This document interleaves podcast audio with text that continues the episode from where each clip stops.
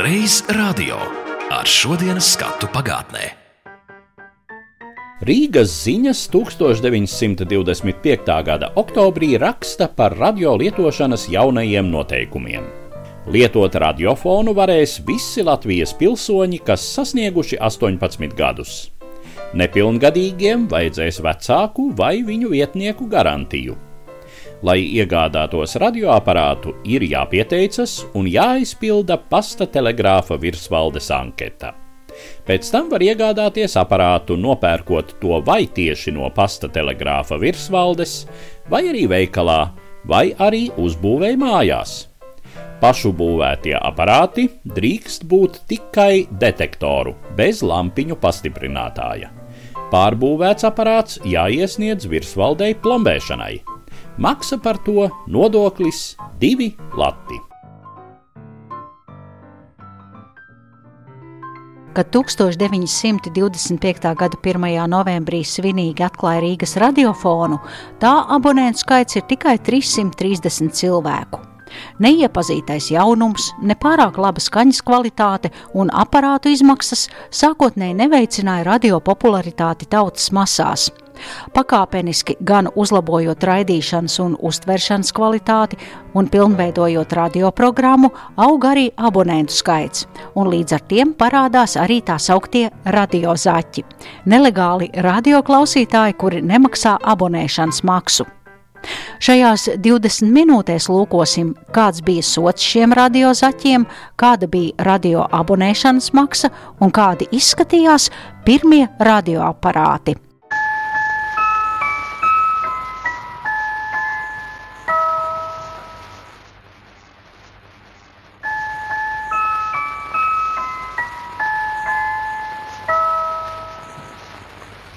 Halo, Latvija, Rīga, Madona, Kulīga, Liepāja. Pirmais radioaparāts Latvijā bija melna kuba formas kastīte ar vāku un pārnēsāšanas rokturi. Kuba malas garums bija ap 25 centimetriem.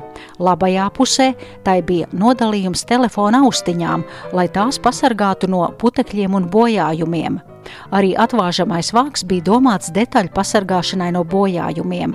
Pēc mēneša parādījās uztvērēja plašāks apraksts, un tajā bija teikts, ka uztvērēja drošas darbības attālums ir 30 līdz 40 km no raidītāja. Tā stāsta radioaparātu kolekcionārs un Rīgas Tehniskās Universitātes elektronikas un telekomunikāciju fakultātes muzeja speciālists Jānis Jansons. Viesojos šajā muzejā, kur vairākos plauktos rindojas mūsu radioaparātu vēsture, un Jansona kungs labprāt dalās zināšanās gan par tiem, gan arī par radiofona darbības aizsākumiem. Pirmā pārraide klausījās Nu, oficiālie abonenti bija 330. Kaut kur saka 331. Nu, tur nebūs liela starpība. Nu, vēl ir bijuši daži labi sauktie radiozaķi. Tie, kas nemaksāja nodevu, par to bija jāmaksā nodeva. Divi lati ziemas mēnešos un trīs vasaras mēneši bija viens lats vasarā lētāk abonēt radio. Jā. Cilvēki nebija pieraduši. Pašā pirmsākumā jau viņi nebija pieraduši, ka viņa tāds radio vispār ir vajadzīgs. Latvijas skolā bija tā, ka mācītājs bija aizliegts. Skolā bija nopirkts aparāts ar austiņām. Ka nedrīkstot tās austiņas likt virsū, ka tur esot sātans iekšā tajās austiņās. Kā izskatījās toreiz tās ierīces, kur uh, sāk klausīties Latvijas radio? Šeit ir pats pirmais rādio, kur sāka ražot, drīzāk jāsaka, uzprojektēja 24. gada oktobrī. Šos uztvērējus izgatavoja pasta telegrafa virsvaldes galvenajās darbnīcās. Bet tas Vefa muzejā, ja jūs varēsiet viņu korpusu redzēt, bet iekšā tur nav. Bet tas bija, kā saka, nu, pilotu projekts. Tā Nu, jā. izmēģināja, bet ne jau piedāvāja cilvēkiem. Vēlāk viņu piedāvāja, bet viņš diezgan pavāji gāja. Viņš maksāja 40 latu, tur vēl bez papildu ierīcēm. Ar papildu ierīcēm kaut kur kaut 120, 140 lati varēja iet. Skatot tā laika presi un pārvēršot rubļus latos, redzam, ka dārgākie radioaparāti maksāja ap 240 latiem. 1925. gada 20. martā laikrakstā Latvijas vēstnesis lasāms. Pasta un telegrāfa virsvalde paredz pārdot privātpersonām radioaparātus uz nomaksu pret attiecīgu garantiju. Radioaparātu vērtību no 4000 līdz 12000 rubļiem varēs nomaksāt, skatoties pēc dzēšamās summas lieluma 6 līdz 12 mēnešu laikā. Dienu vēlāk avīze Sociāldemokrāts raksta: Aparāti jau lielākā skaitā izgatavoti mūsu pašu darbnīcās un maksās apmēram 5000 rubļus gabalā. Darbnīcās pašreiz strādā 250 darbinieki, galvenām kārtām smalkmehāniķi, kuri izgatavo nevienu visus telefona aparātus, bet arī radioaparātus un domā pagatavot nākotnē arī automātiskās telefona centrāles. Jānis Linters, radioelektronikas speciālists, Latvijas radiofona dibinātājs. Tas, kas izskatās jau pēc rādio, tur jau bija jāiziet cauri ot, lūk, visai šai fizikas kabineta izskata aparātiem. Šeit ir tie kristāli bezpastiprinātāji aparāti, lai labāk saprastu. Tur nekāda pastiprinātāja nebija. Detektors šeit ir redzams vienam uztvērējam un otram. Nu, tādas milzīgas sērkociņa kārbiņas lielumā, brūna koka kastīte Jā. ar uh, metāla skrūvēm un tādu adatiņu tā kā patafonam uztvērt. Uh, jā, un šeit ir kristāls. Tā ir vispār pirmā pusudītā ierīce, ko reāli sāk izmantot. Un tad jau tālāk mums jāskatās, vai te secīgi blakus ir šī lielākā kārbiņa. Lielākā kaste ir nākošā gada. 26. Jā? jā, tas ir faktiski šis jau ir 27. gads. Šis ir jūtams sarežģītāks. Šeit pat nav noskaņošanas elements. Viņš ir tā apmēram uztaisīts, lai var klausīties Rīgu un vairāk neko. Un skaļums jau bija tāds, ja nedzīvoja taisni pie raidītāja, tad nu, tā apmēram tā kā bija rakstīts vienā žurnālā aiz septiņiem kalniem ganumeita dzied. Šī visa klausīšanās pamatā bija, man liekas, ka bija 80% rīznieku no visiem klausītājiem. Un apmēram tikpat procentu no vēl no tiem klausītiem klausījās ar tiem kristāli bezpastiprinātāju aparātiem. Un, kā jau parādījās kāda lampa, tad tur jau varēja dzirdēt tālāk. Pēc pirmā gada bija laikam apmēram situācija tāda, ka laukos bija tikai katram 4000 cilvēkam, Rīgā bija katram 200. Simt miljoni radiolampiņu gādā par izcilus radio uztveršanu. Katram radioaparāta tipam, katram nolūkam, katram strāvas veidam ir konstruēta piemērota minivata lampiņa, kas jūsu radioaparāta uztveršanas spējas ievērojami palielinās. Kur te ir tās radiolampas, vai mēs arī varam apskatīt tūplānā? Tūplānā. Lampu radio. Nu, šis ir tāds spilgti izteikti. Tur ir di, ne, trīs lampas. Vai? Jā, tur ir trīs lampas. Trīs lampas. Un kurš gads jau šis ir? Šis ir 31. gads. Tas skaitījās tāds smalks un ekskluzīvs šis aparāts. Jau. Nu, diezgan. Tepat ir mums ir šim aparātam, mums pat ir pirkšanas līgums. Te var redzēt, tā 2. decembris, 31. gads. Aparāta izmaksas radioaparāts ir 224 lati, skaļrunis 150, skaļrunis apmēram varēja izskatīties tāds. Tad atsevišķa tumba, ja mēs runājam mūsdienu terminos. Nu, jā. Tā putnu būrīša lielumā. Jā. Jā. jā. Tālāk. Divi akumulatori. Līdz 32. gadam, var teikt, visi radioaparāti ar baterijām darbojās. Vēl nebija īsti tā izdomāts, kā darbināt no elektriskā tīkla. Pat ja bija elektriskais tīkls, vienalga no akumulatora. Un akumulatora cena ir 59 lati. Jā, un kopējā summa tā ir iznākusi 520 lati. Ap to laiku vidējas kategorijas elektrotehniskā rūpniecībā strādnieks saņēma apmēram 100 latu. Tad radio to laiku varēja atļauties ļoti turīgi. Cilvēki tā bija luksus. Pamatā jā. Kaut gan no šīs dienas viedokļa, ja mēs viņu iedarbinātu, mēs gandrīz neko daudz ar viņu nedzirdētu. Jā, ja mēs sākam runāt par cenām, šeit mēs noskaidrojam, ka šis aparāts maksā 31. gadā 520. Pienāk 33. gada beigas, un tad no aparāts pieņem tādu formu, kur jau ir kaut kas tāds, kā mēs viņu varam atzīt par aparātu. Nu, tāda krietna Un- naktas skapīša liela izmēros. Un tad šis aparāts jau patiešām spēja uztvert visu Eiropas skaļrunī. Un tas bija tāds, nu, kādu arī teiksim, 50. gados labākos ražoja pamatprincipi tie. Tas maksāja nieka 450 latus. Nu, pa s- simt lati lētāk. Aparāts daudz jaudīgāks. Nu, jā, nu, un viņai ir Uzlabotāks? astoņas lampas, te bija tikai trīs, un tas no tīkla iet. Tad nebija vajadzīgi pastiprinātāji un nebija vajadzīgi Viss jau bija iekšā, viss bija iekšā. Jā. Līdz 37. gadam pamatā klausījās divu lampu radioustvērējs. Principā jau vairāk klausījās to Latviju vien.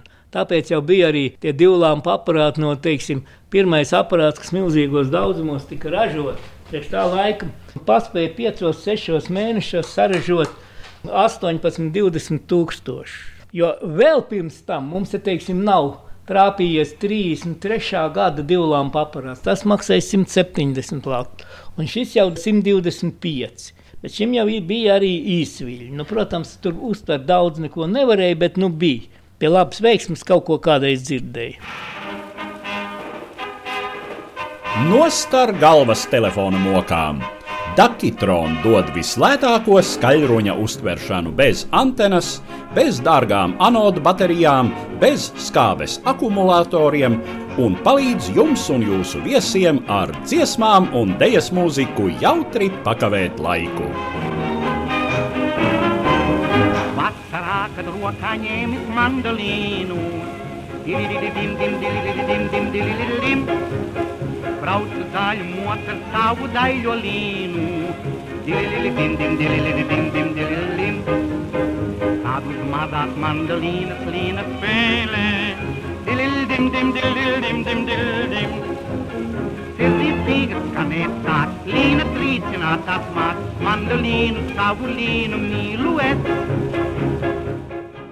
Mūsu VF trio un VF ar uztvērēji lauku vajadzībām. Trīs spulģu uztvērējs baterijām, taupīgs darbā, labs noskaņojumā, liels selektivitātē, ērts apkalpošanā, patīkams izskatā. Cena 187 lati. Divu spulģu uztvērējs baterijām, divi viļņu diapazoni, gaisa mainkondensators, modernākās spuldzes, jauna veida skala, dabīgs atskaņojums. Cena 95 lati. Reiz radio. Jau pirmie radioaparāti, kas tika izgatavoti laikā, kad dzima radio Latvijā, bija VF meistaru darbs. Toreiz gan valsts elektrotehniskā rūpnīca, tāpat kā jaunais radio, bija pasta un telegrāfa virsvaldes uzraudzībā un saucās Pasta un telegrāfa virsvaldes galvenās darbnīcas. Kā lasām Latvijas Nacionālā arhīva VF vēstures muzeja mājaslapā, tad pagājušajā gadsimta 30. gados VF bija lielākais radioaparātu ražotājs Latvijā. VF radioaparātus varēja iegādāties veikalos Rīgā un Liepājā, kā arī pie tirgotājiem daudzās Latvijas pilsētās. VF ar lieliskiem panākumiem piedalās vispasaules izstādē Briselē un tur par saviem ražojumiem iegūst augstāko atzinības zīmi Grand Prix. Jau 1937. gada beigās rūpnīca ar saviem daudzveidīgajiem radiouztvērējiem, kā kvalitātes tā cenu ziņā, varēja sacensties ar jebkuru vietējo un arī ārzemju ražotāju. Tajā gadā rūpnīca guva atkārtotu starptautisku atzinību. VF ražojumiem tika piešķirts Parīzes vispasaules izstādes Grand Prix diploms. Radioaparātu panākums gan Latvijā, gan citvietā Eiropā lielā mērā veicināja to glītā apdari un ārējais izskats. Lai to panāktu, rūpnīcā tika iekārtots plašs, ar modernām iekārtām apgādāts koku apstrādes cehs. Sākotnējo modeļu dizains ir Kārļa Irbīša darbs, bet jau 1935. gadā amatu pārņem brālis Ādolfs Irbīte, kura ārdeko līnijas iespaidotie radioaparāti iekaro lielu daļu Eiropas, saņem starptautiskas balvas un burtiski atrodas katrā mājā. Turpinot ceļojumu radioaparātu vēsturē, Jānis Jansons man rāda dekoratīva auduma gabalu, kādus toreiz ievietoja aparātos skaļruņu priekšpusē. Audums nedrīkstēja būt pārāk blīvs, lai netraucētu skaņas caurlaidību. Sākot no visiem šiem laikiem, ja sākot no tā 34, 35, patreiz te 33, viņus auda uz vietas rūpnīcā. Vai arī pasūtīja īpašu austu ar īpašu rakstu. Te jau var labi redzēt, ka viņiem ir lielākā daļa ir īpaši raksts. Ja mēs paliekam pret logu, tad redz, ka viņi spīd cauri. Ah, šitam vismaz daļai viņš ir nedaudz izbalojis. Var redzēt, ka ir pilnīgi tāds ornaments uztaisīts. Un viņam attiecīgi jābūt uztaisītam, lai viņš būtu savietojams pret to aparātu un pareizā vietā jānogriež. Lai viņš labi izskatītos. Tur darbs bija, kā saka, gan tekstilniekiem, gan dizaineriem. Jā, nu mums jau arī bija dizainers. Tas jau bija laiks, kad taisni radās dizains. Radio Zaķis. Savulaik slepens radio uztvērēja ierīkotājs.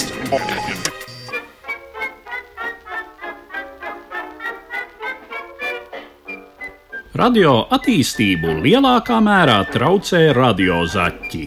Slepeni radio uztvērēja ierīkotāji, kādu pat labam Rīgā, ir ļoti daudz. Viņi ar savām nemākulīgām ierīcēm uztvērējiem traucē satiksmi ar ārvalstīm. Tagad policijai uzdots izķert šos radiozaķus, pie kam tos stingri sodīs. Tikai pēc tam varēs domāt par radiotīkla paplašināšanu un padarīt to pieejamu plašām tautas masām. Rīgas ziņas 1925. gada 12. februārī. Starpkaru Latvijā radiofons lielākos ienākumus gūst no abonentu maksājumiem, un tāpēc ir saprotams, ka godprātīgie radioklausītāji naski ziņo par tiem, kas izvairās no radio abonēšanas maksas, nereģistrē savus radioaparātus un radio klausās pa brīvu. Pasta telegrāfa virsvaldes kantorī ikdienas pienāk 3 līdz 5 anonīmas vēstules. Kaimiņš apsūdz kaimiņu, draugs draugu, ja krogās aplēsušies, pat greizsirdība liek uzdot radiozaķu adreses.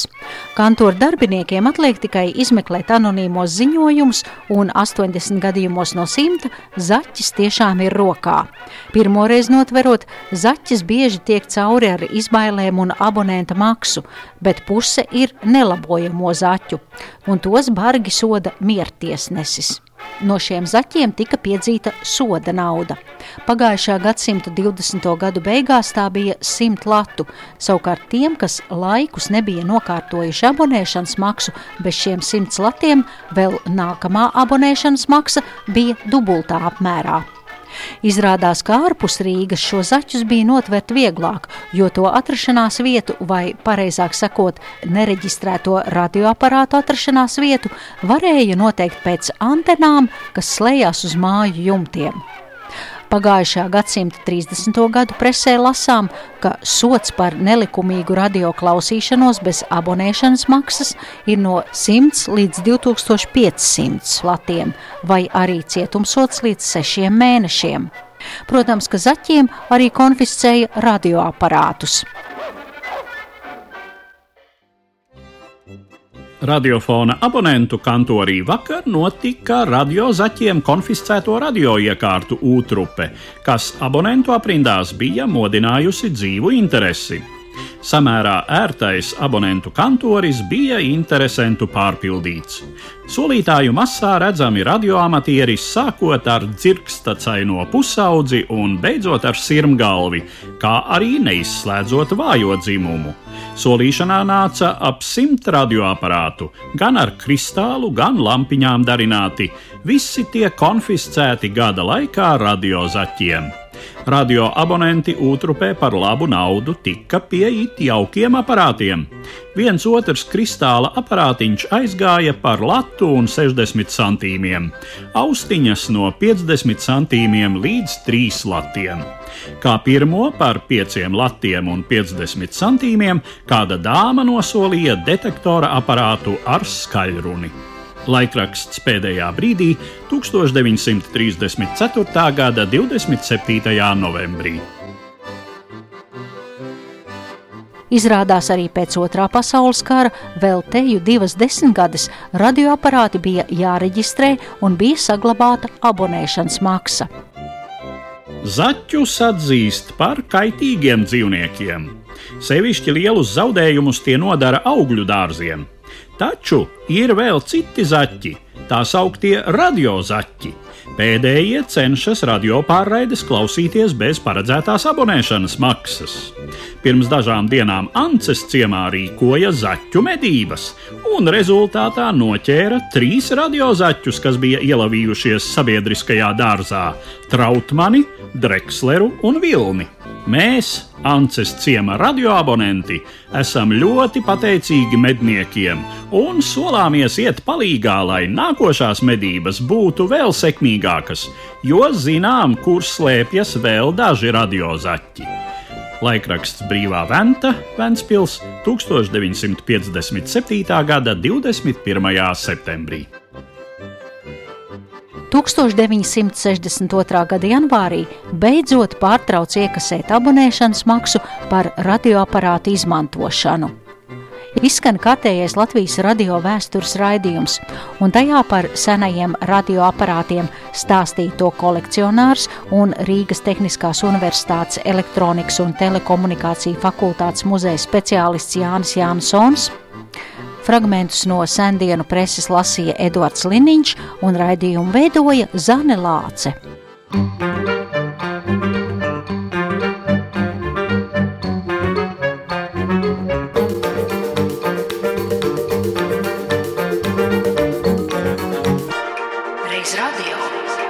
Reiz radio ar šodienas skatu pagātnē.